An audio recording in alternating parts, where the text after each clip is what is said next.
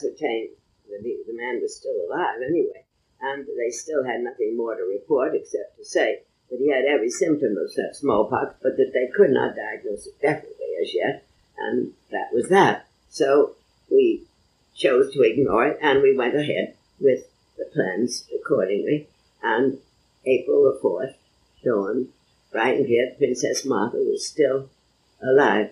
But in the meantime, uh, Prince Olaf did come, uh, uh, sent us word that the king would not come. He wasn't feeling very well, getting very well on in years, and he wasn't feeling very well, but that he, Prince Olaf, would be there. And of course, all of the various staff people that are supposed that we'd invited. So that that was all right, and so we could go ahead with the first wedding, which was the big one, and at the embassy. And it went perfectly beautifully. Um, we had the most beautiful pictures of everyone. We had a very good photographer who took pictures of everything in the church, of Marty and Jan in the church, and so on, and then of the party afterwards when all of the people, the women with their jewels and their evening gowns, really, they're, they're just out of this world. It was like a fairy tale. And of course, it was very formal, the dress and so forth, and, and uh, it was uh, very different than the weddings we have over here.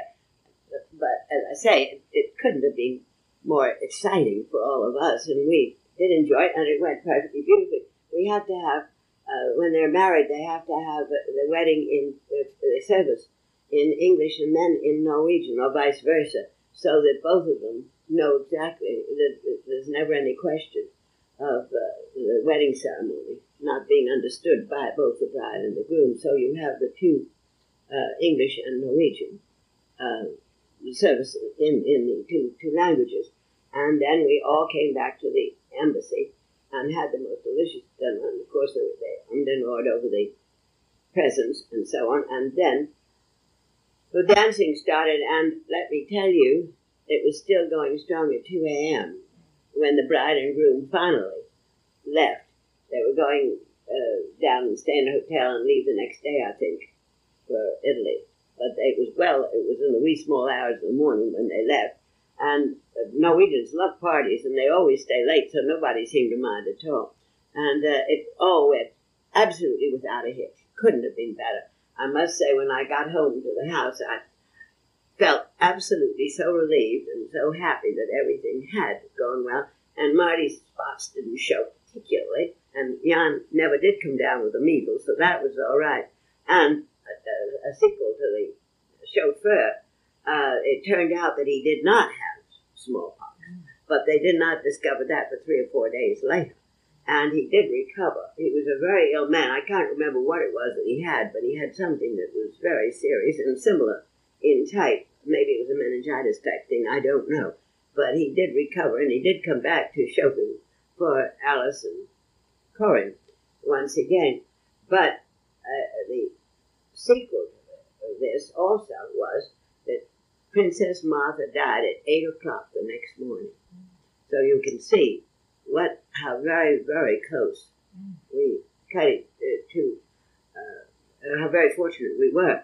Uh, we all felt so badly about it that we had to have, have it at that time in Norway, but I think in a way it was uh, very relieving to a lot of people. It was the last formal thing we had for that, really, uh, the last big thing that we could have while we were still in Norway because we were planning to make a trip uh, through Europe, uh, down in the continent. Uh, Empy and I, Jim, we would leave up in, in Oslo, but Empy and I were going down and make a trip all through places where we had missed the last time, and we were going to drive down uh, to Spain, and Empy was going to stay with the de Bobadillas down there, and Jim was going to join me, and we were going to come back uh, up to Norway to pack up and come back to the States in September. But we were leaving Empy for the summer down with the de Bobadillas because she wanted to stay in Spain, and then she was going to drive the English Ford that she and I would drive down from Norway in she would uh, was going to uh, drive over to Genoa by herself and get a, a boat home from Genoa. She was quite terrified at the idea of driving by herself through the French Riviera and the Italian Riviera. However, she did do that, and, and so. But this was this was, uh, this was of course after, sometime after the wedding and after her getting through at the university, and uh, but we we had we had a really uh, very happy time over the wedding. I think the Kalaviks were thoroughly pleased with it. And then, of course, for the next, uh, I forget how long it is that you go into mourning, but for the for the next few months, there was nothing very uh, official going on. Of course, you had your own little gatherings, and we went visiting with our friends down at the shore and things of that kind. And then Ampy and I planned for our trip, and we took off. I think it was about in uh, June, first part of June, to head down to Spain. Said, Ampy and I took off for uh, for Spain. I think it probably was about in June, but we were going to make quite a roundabout trip of it and do it in gradual stages, which we proceeded to do. Uh, going down by way of Germany, Black Forest. We headed down. Uh, it was into so that we didn't uh, cover the same uh, track that we had covered in our previous one, which had taken us over to Holland and so forth. We went in the opposite direction. We decided to go down through Germany and Austria and along that way, but we did uh, uh, cover a certain amount of France, of course, uh, again. Uh, but we tried not to duplicate too much of the trip, same trip that we had before. We went down, I believe that we were in Frankfurt and then afterwards in Hamburg. And of course, there it's very delightful at university and, and all the people we really enjoyed that very much. And then we, uh, we went on down through the Black Forest and wherever we went, we didn't stay in hotels, we stayed in the uh, uh, guest houses, or Gasthaus, they call them, and, and uh, that's perfectly fascinating. Uh, we uh, went into Switzerland, and uh, and uh, in the German part of Switzerland. I mean, after all, Switzerland was divided. Jim and I had many times been down to Switzerland on on various trips when we had gone down, but this time uh, Ampy and I went and uh, went by way of Switzerland and in, into the uh, German speaking part of it, and through that way, and of course down the Lake of Geneva. It's perfectly fascinating, beautiful.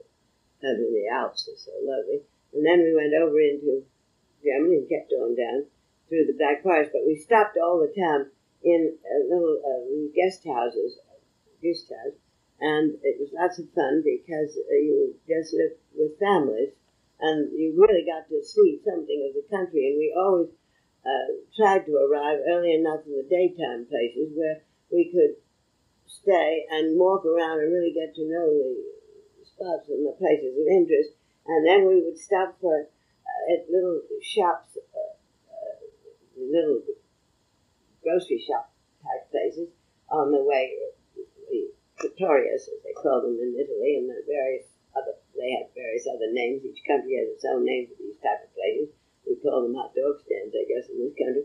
But uh, where we could get a, a, some bread and ham or cold cuts or something, we got them every day just before we would start out, and a bottle of wine. We always had our bottle of wine, and we had our picnic basket, cups and sauces. And then we would stop along likely spots along the rivers or wherever there was an attractive spot to picnic, we would picnic and have our picnic lunches. And then in the evenings, of course, we would be in the towns where we would have a really bang up good dinner and uh, get to talk with the people and whatever was going on. If there was a fete, we joined in the fete and went around and got the uh, atmosphere of the, that particular country. It was really lots of fun. Of course, being in the spring and summer, it was uh, there were fetes mm-hmm. everywhere, and uh, and uh, we we had a delightful, uh, really a relaxed trip because we weren't hurrying. We were in no hurry. Uh, she had been invited to spend the summer in Spain. It didn't make any difference when we got there, and uh, and anyway, in Spanish, with Spanish people in Spanish life, uh, time uh, is very uh, peaceful. It, it's not. They, we're the. I guess Americans are the only countries that really push other countries why people seem to have time to relax or take it easy and uh, and uh, uh, well, you just don't hurry too much. And of course, in Spain, you have the from 12 to 3, everybody has siestas, so uh, there's nothing goes on then. And in, in most of the countries, between 12 and 2, uh, it's a very relaxed form of life, and we were generally picnicking by the wayside or in some lovely little park in some little town. That was very nice. And then we went on and we went through um, uh, uh to uh, uh went on into Austria in the Tyrol, and uh, we had gone to Ober Ammergau on our way uh, past along the way, and then we went up to um, uh, up into uh, the Tyrol, and there the mountains it was it was getting summer, of course, but we it was very funny. We, mounted from uh, from flowers and mounted to Norway that way, and you suddenly found yourself in a swelling snowstorm, which we did. And here we were in nothing but summer clothes. We quickly put up the windows of the car forward and put on our heat. We had a picnic lunch with us at that particular time, and I remember we sat with the heat on in the car and the picnic lunch and whatnot, and snow swelling around us. We were in it very only a short time, and we descended in due course down to where it was uh, warmer and all, and then we went on, and we went to Avignon, and uh, uh, very, uh, they were having a bullfight, but neither Henry nor I wished to see it, so we didn't follow that. Avignon was a delightful old city. And then we went on to the French border, uh, Spanish border, and uh, and over into, into Spain and to Barcelona.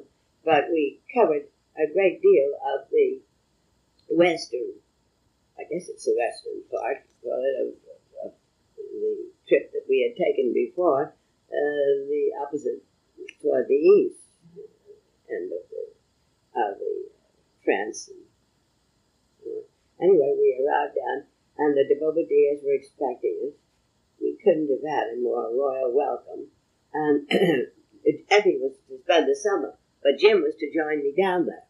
And then, because he had to do some business, he, had, he and the, he and Admiral de Bobadilla were deep in these uh, military uh, maneuver things at this particular point, and he was coming down to Barcelona to do those things. And uh, also, he and I decided that we'd leave Empey with the, Bobadillas and we would tour around Spain a little bit. He had been down there with Empey in Madrid, but uh, Rafael de Bobadilla wanted us to see uh, Jerez, which is where his family have their wonderful uh, bodegas for making sherry and brandy, for which they're noted.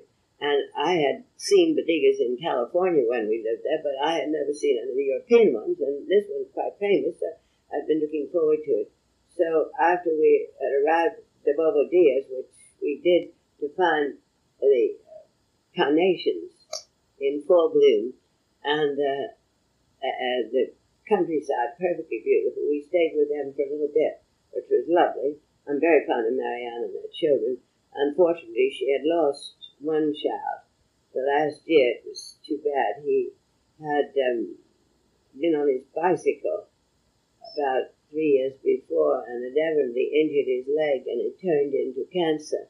Mm-hmm. And they had, he, the year before when we'd been there, they thought they'd gotten it and he was recovering nicely. However, it had recurred they had removed certain portions of his leg, but they never could quite catch it. And he died. Uh, just, I think it was before Empey, got, Empey and I got there, but which was very sad. In one sense, he was an awfully nice boy, and we missed him, but they still had 11 children mm. remaining at home, and none of them had gotten married yet. So uh, uh, one of the boys was in the Navy, very nice looking boy, Spanish Navy, and um, altogether, it was a lovely setup for Empey to have the summer there, and it's very luxurious. Casa Mayans is a perfectly delightful Spanish castle. I think I said before it dates back to 411 AD, and it was given to the de Bobadilla at that time by, I think it was King Philip of Spain, and it was given to an ancestor of Raphael's, and it has remained in the de Bobadilla family ever since. Of course, it was at that time the Moors and the Moorish Tower, and the main house is built around this Moorish Tower, and as the families have uh, years have gone, like all houses, it has mushroomed out, but it still is a perfectly delightful sort of uh, Italian palazzo type of place with uh, with um, uh, thick stone walls and a perfectly delightful terrace that we all live on that was as big as a house almost with uh, awning awnings uh, not not artificial awnings but the grapevines over the roof was, I think it was grapes, but it may, may have been other other flowers also, uh, other vines also. But they formed a roof over it, so it was always uh, a thick shade in the afternoon, furnished over your head, and even if it rained, it didn't come through the uh, the branches, mm. so forth. But in the in the summer, in the morning, the morning sun coming in across the Mediterranean, uh, because it faced right out toward the Mediterranean uh, you see, the Moorish Tower was to warn sailors mm-hmm. in the old days, and so on. So you can see how close to the coast of the Spanish coast it was. But you could look out at the Mediterranean. You could walk down to the Mediterranean. It was a walk. Wasn't right on the beach, but it was back. And then it had uh, these olive groves and things going down. And of course, as I say, these acres of carnations. And then the beach but you had all that beauty in the morning, and you'd sit out and have your uh, petit déjeuner out on the uh, on the terrace there. And uh, as I've said before, you had uh, this odd coffee that they serve, which was uh, they make it the night before and then add boiling milk to it the next morning, which makes it hot for you. And it's rather messy if you don't happen to like a cafe au lait. But if you like cafe au lait, you get used to it. I, I like it, but as my daughter takes black coffee, I guess she probably had to do something about warming it up or drink cold mm-hmm. coffee because they they don't have steaming pots of coffee handy the way Americans do, and also their coffee is coffee bean is a little different than ours. However, they had the most delicious rolls, of course, for breakfast, which you all croissants and things of that kind and uh, altogether it was uh, uh, we it's a delightful, delightful atmosphere, and it's very easy. It would have been very easy for me to sit back there and never move again if I could have stayed right there. They had lovely domestics who took care of you in the nicest ways, and they were all, all sort of family. They'd been with the Bobadillas um, for years. And then I loved to go to the markets and just wander around the open markets, with all these fish rub noses with uh, next thing you wanted. It was, it was up in the um, uh, which is the native village there. And uh, you, you climbed up, you went up a rocky hillside, get to Vilassar. And when you got there, it was like a turreted town with the little stalls all around. And you, well, you, you could spend many a delightful hour and just looking at the uh, native characters, the, the sweet old faces and so forth with their the native costumes. The Spanish costumes are very picturesque, and of course they very often they'd come down from the Andorra and places like that visiting, and you would have the Basque and the um, costumes that were used in the um, uh, Spanish Pyrenees on the mountaineers when they would come into town. So all of this was very interesting. Of course, Barcelona itself, the city, which is only 15 kilometers from Vilassar, uh, uh, is a real thriving modern city in which you have music and bullfights and everything else. And I say none of my family are particularly interested in bullfights, which is a great blow to the, the Bobadillas who all like them, and we didn't display a great deal of interest with regard to them, which which I really must say I, I didn't want to have to go and see one. But anyway, then Jim arrived, and he and Rafael Bobadilla did that business in in Barcelona, and then Jim and I took off with our maps and things to start and go down to Jerez. Of course, Rafael had already phoned his brothers and so on. He stays in Vilassar because he uh, was admiral of the Spanish fleet in the home quarters of Barcelona. But his brothers run the family business or, and I imagine now if he's retired, he's probably in it up to his ears too. But uh, uh, we, uh, uh, the brothers were all alerted to our coming, and we went through, we, we covered a good part of the uh, Spanish mainland in this little trip. We didn't go to Madrid because we'd all been to Madrid.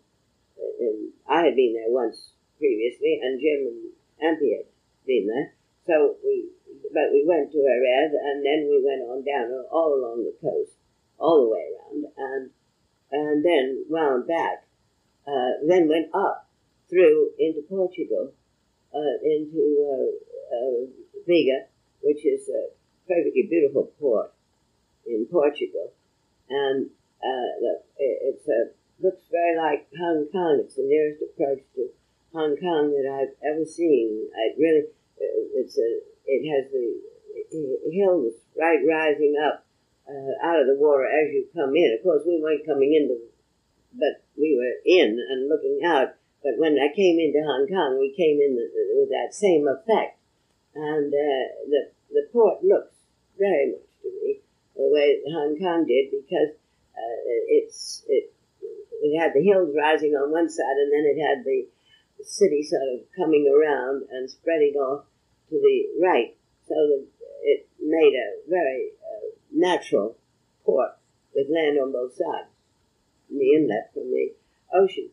uh, from the sea, and uh, it was really lovely. We had an awfully good time there, and of course, being a port, there were a lot of Navy things for Jim to take an interest in, and a lot of Navy people taking an interest in Jim, and we really enjoyed that very much. And then we went on to Lisbon, which is a delightful city, and uh, loads of nice trips to take from it.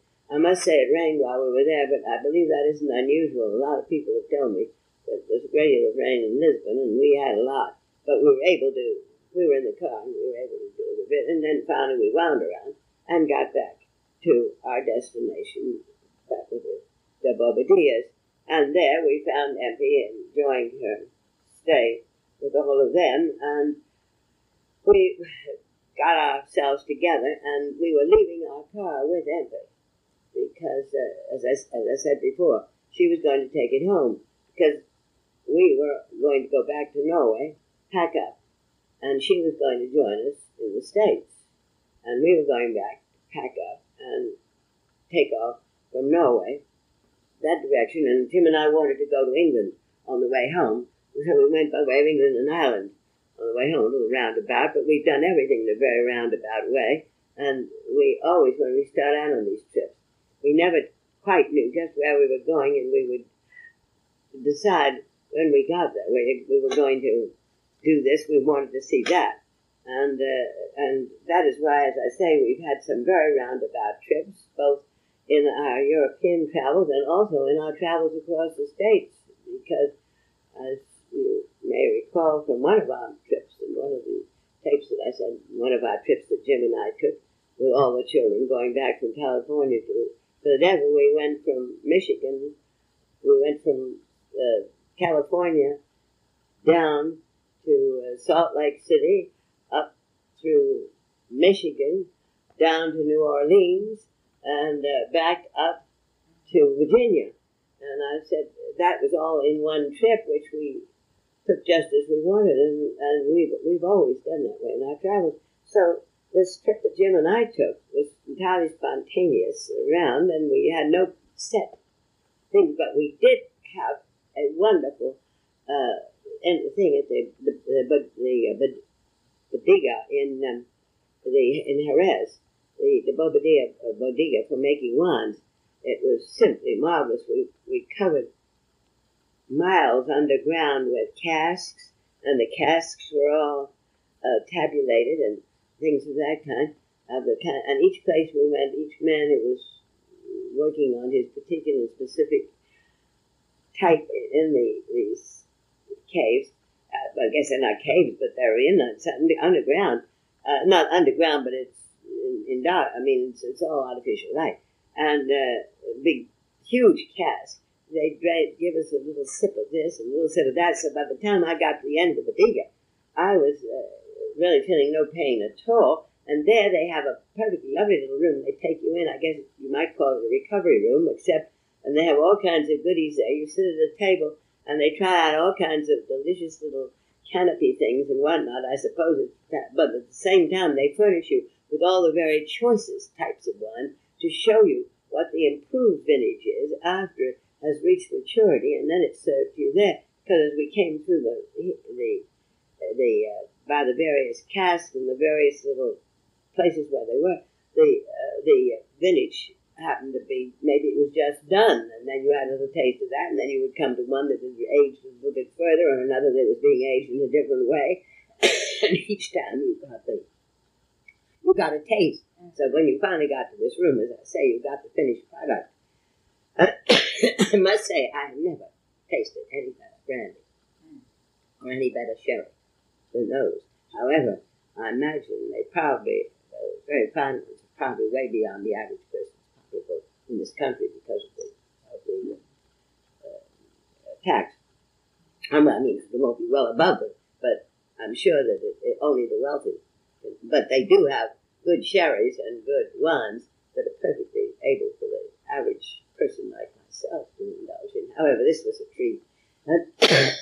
Hey, we got back to we got back safely to Barcelona, kissed Stampy goodbye, and they took us in, put us on our plane. We left our car and our daughter and our possessions in charge of the Bobadillas, and Jim and I took off and arrived back in in Oslo uh, I imagine it must have been in July time.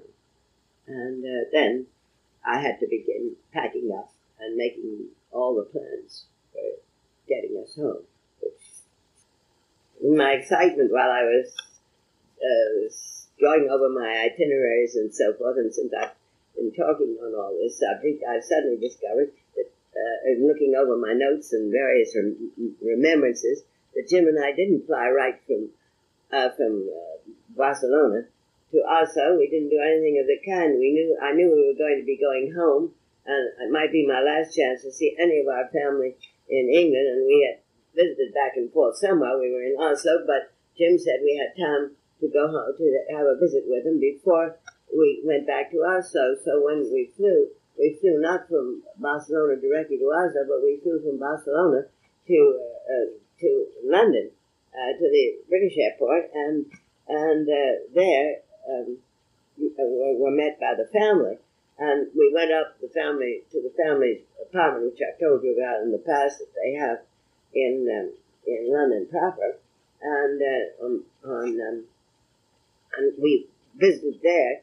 I stayed in the flat for about oh a few days, and visited with any of the family and cousins who happened to be around and so forth, and made our formal calls on the Queen and and various other people that we had known in the past. And then we went out and stayed with Rachel Bowes-Lyons uh, out in the country at St. Paul's Walden Bury, from which we could go uh, to Gatwick Airport and uh, and uh, and fly across to Guernsey, where her mother, my aunt Spen- Pauline Spender Clay, had bought a small, uh, well, it was a farmhouse style, but it was a perfectly darling place. I had seen it a couple of times because I had flown over to see her, but uh, but she had been gradually fixing it up since she had uh, uh moved there.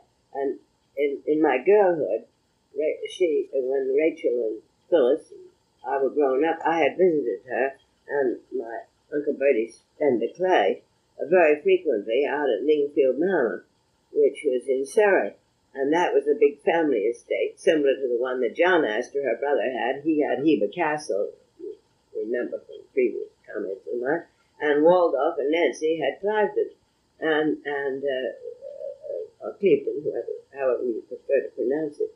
And uh, uh, uh we, uh, Pauline and John found about a, a year before this time, I think it was about a year, the English suddenly uh, had a law in which they were going to tax all English people who had income from America.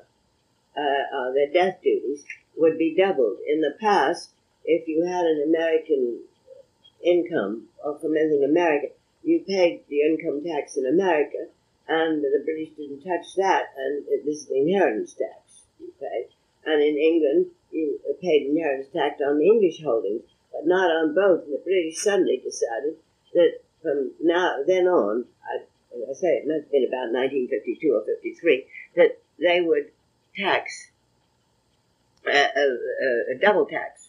And if you had income coming from America, that you not only paid it in America, but you'd pay the same amount, equivalent, in, in England.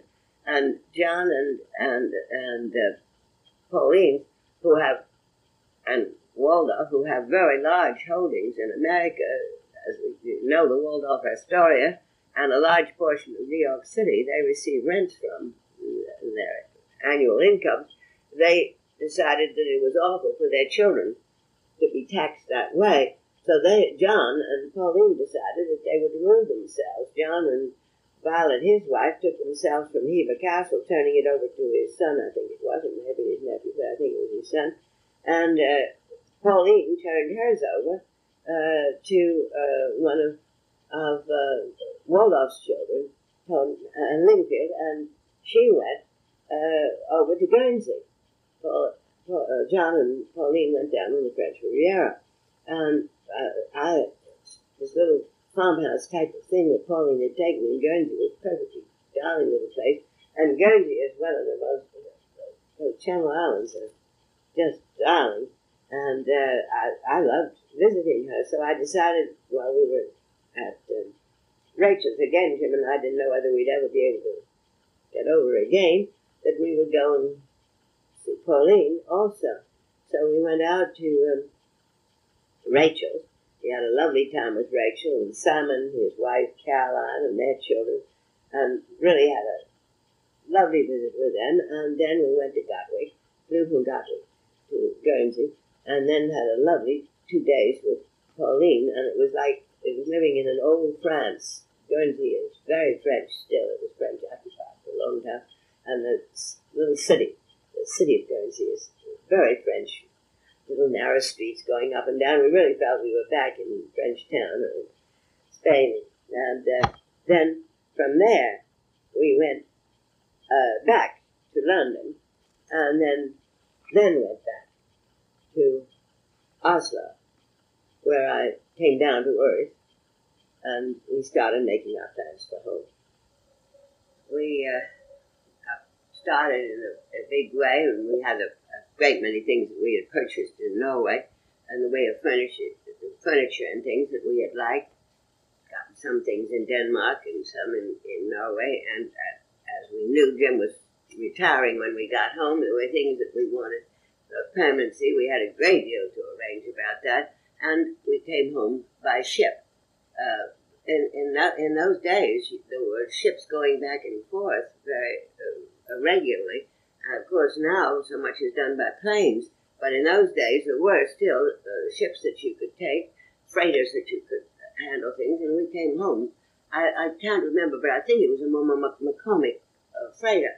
But we could bring everything, and remember we had two dogs and uh, all the uh, paraphernalia, and of course before we left, uh, everybody in, in of our friends in Oslo, both the diplomatic, the embassy, and everyone else were all vying to give farewell parties to us. As a matter of fact, I think every time you leave a place, everybody kills you with so much kindness. By the time you get started, you're, you're practically dead. It takes you several days to recover. So it was very nice to me to think that we were going to be on a ship coming home, um, uh, that we could uh, t- take it easily and uh, and comfortably, which and uh, we arrived back in New York uh, with the idea of going up to, to be with Mother when we first got here. We hadn't seen Mother, and of course it was September, I think. And uh, that would have been in September of 1954. And um, Mother was still up in Rhode Island with uh, various of the family. I guess Frank and Peggy were there.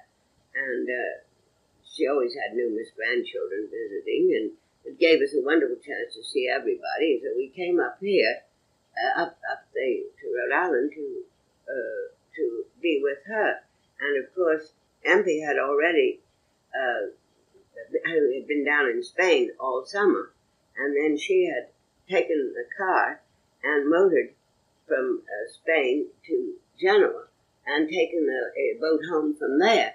And she joined us at Muller's. So we were all together, which was a very nice reunion. And then uh, my mother at that time had sold Shirley, a big place in, in Westchester, and she was living with my brother Kent. So there was no place for us with her.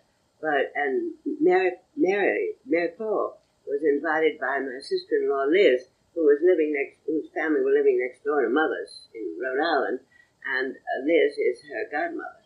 And Liz and Braden invited Empy to stay with them in their home in in Devon. Mm. So that solved the problem of what she was doing until Jim and I knew what we were going to do and where we were going to live. He, he was retiring from the Navy, but he had no intention of staying retired.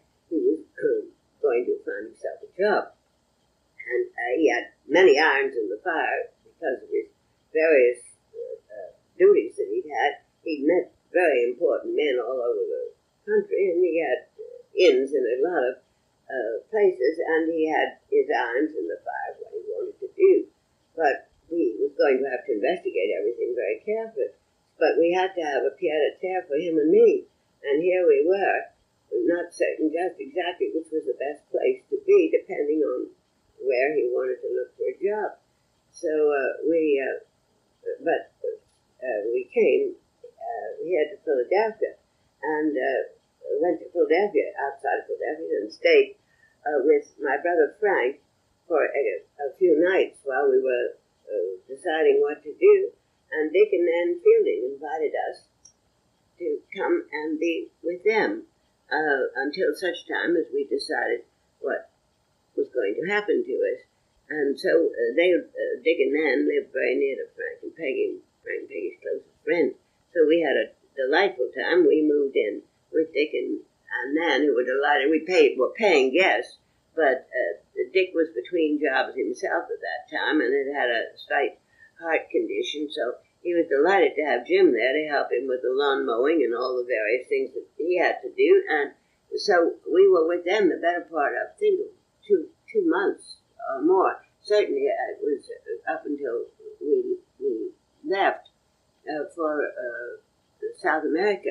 At that time, Jim was investigating all the different jobs that he could get, and he had very dear friends in RCA and uh, one of them being the president, vice, vice president and president of RCA, and he was offered a very fine job to go down as vice president of foreign of the foreign services of RCA in Buenos Aires, in Argentina, and he felt that it was it was it was a wonderful salary, a wonderful job, and just exactly uh, something that he thought he would be interested in, although he'd never been in business before. He thought that it, it was a factory of a thousand men, and it was in a country that we knew nothing about except that he had been there and had enjoyed it, and he had many friends down there from his various goodwill trips and things that he had done. So he felt that they felt that he'd be a very good man for that job.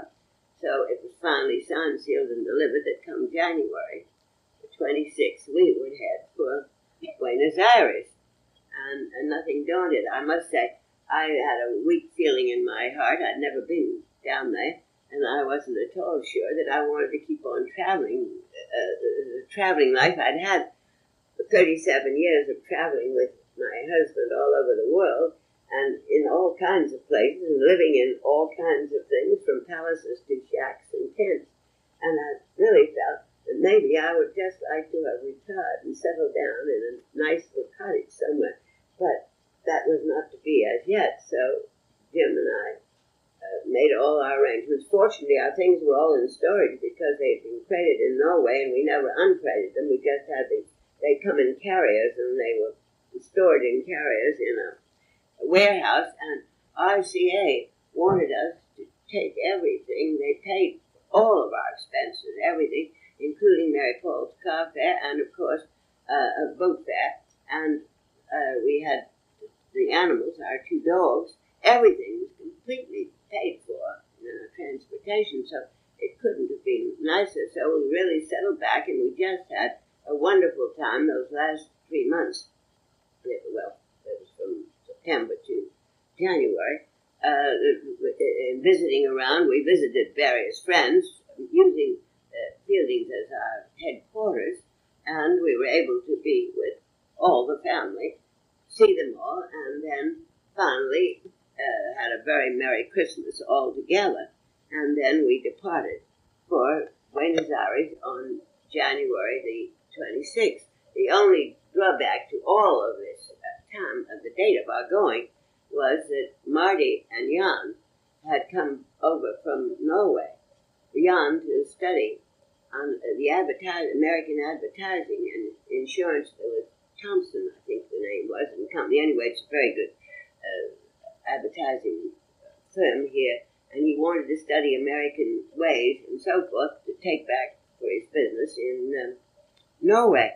And he and Marty arrived and got an apartment in Scarsdale, which we all went over and saw them and got them settled and so on.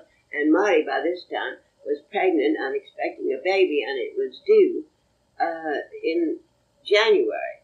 And I hoped the baby would come before we left, so we put off till the very last day we possibly could leaving, which was the 26th of January. But the baby still hadn't come, so uh, my, as our ship left the docks in New York, we went over the day before, and we all had a bang up time in New York. Jim took us all to dinner the night before, and Marty still looking like she was going to have the baby any minute, but nothing happened. We had a perfectly lovely evening with them all, and the next day they all came down to the dock to see us off. And as our ship drew away from the dock, we looked back, and there was uh, Marty with Jan and some friend of, of his and Marty's or ours that had also come to see us off. They had made a, a seat with their hands, and Marty was uh, seated with uh, on their hands with them holding up and bouncing her up and down as she waved goodbye to us.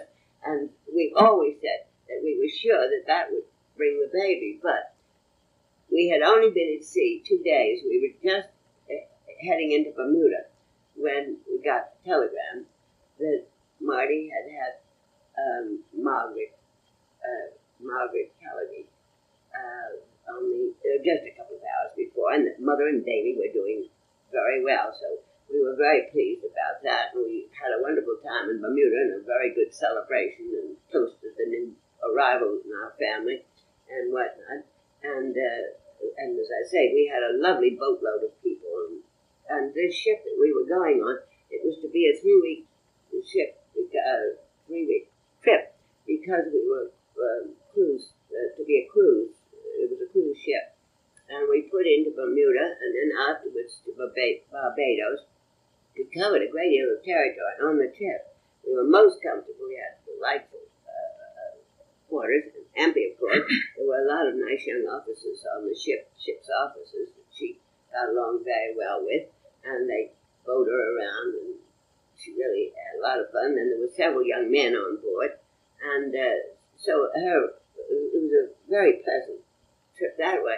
And when we got down to Barbados, one thing, one funny thing that happened, we Auntie and I went into a shop to buy something or to see something, one of these little dingy shops that they have, these tourist shops.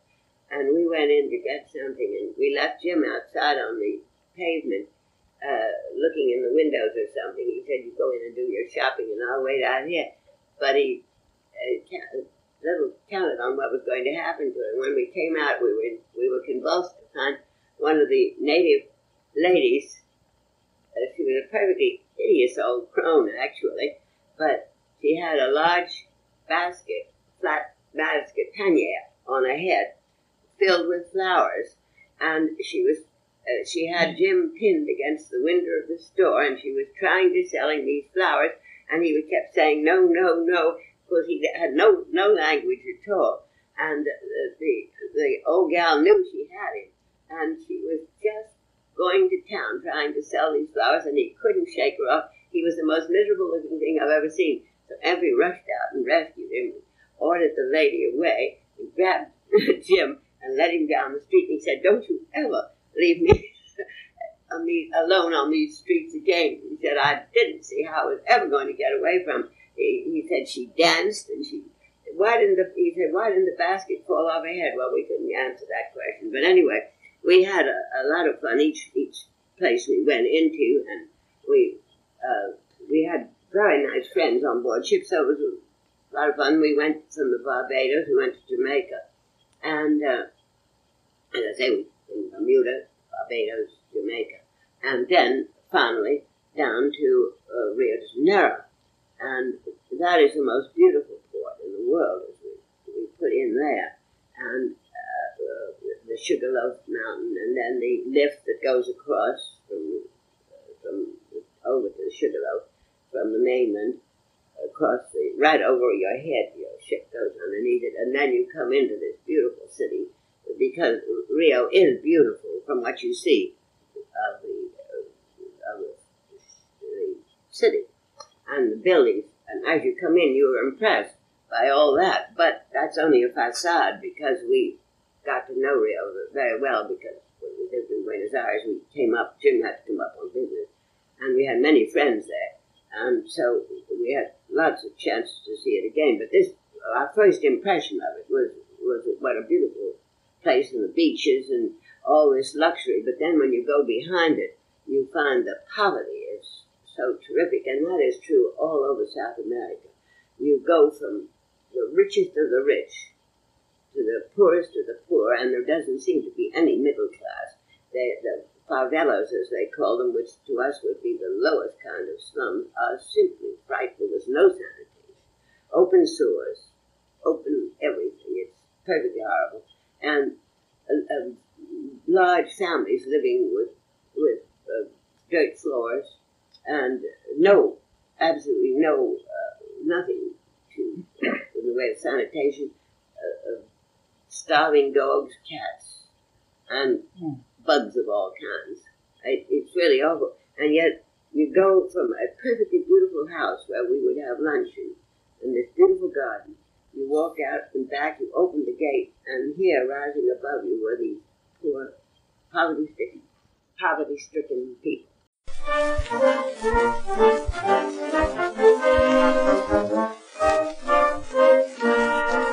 you.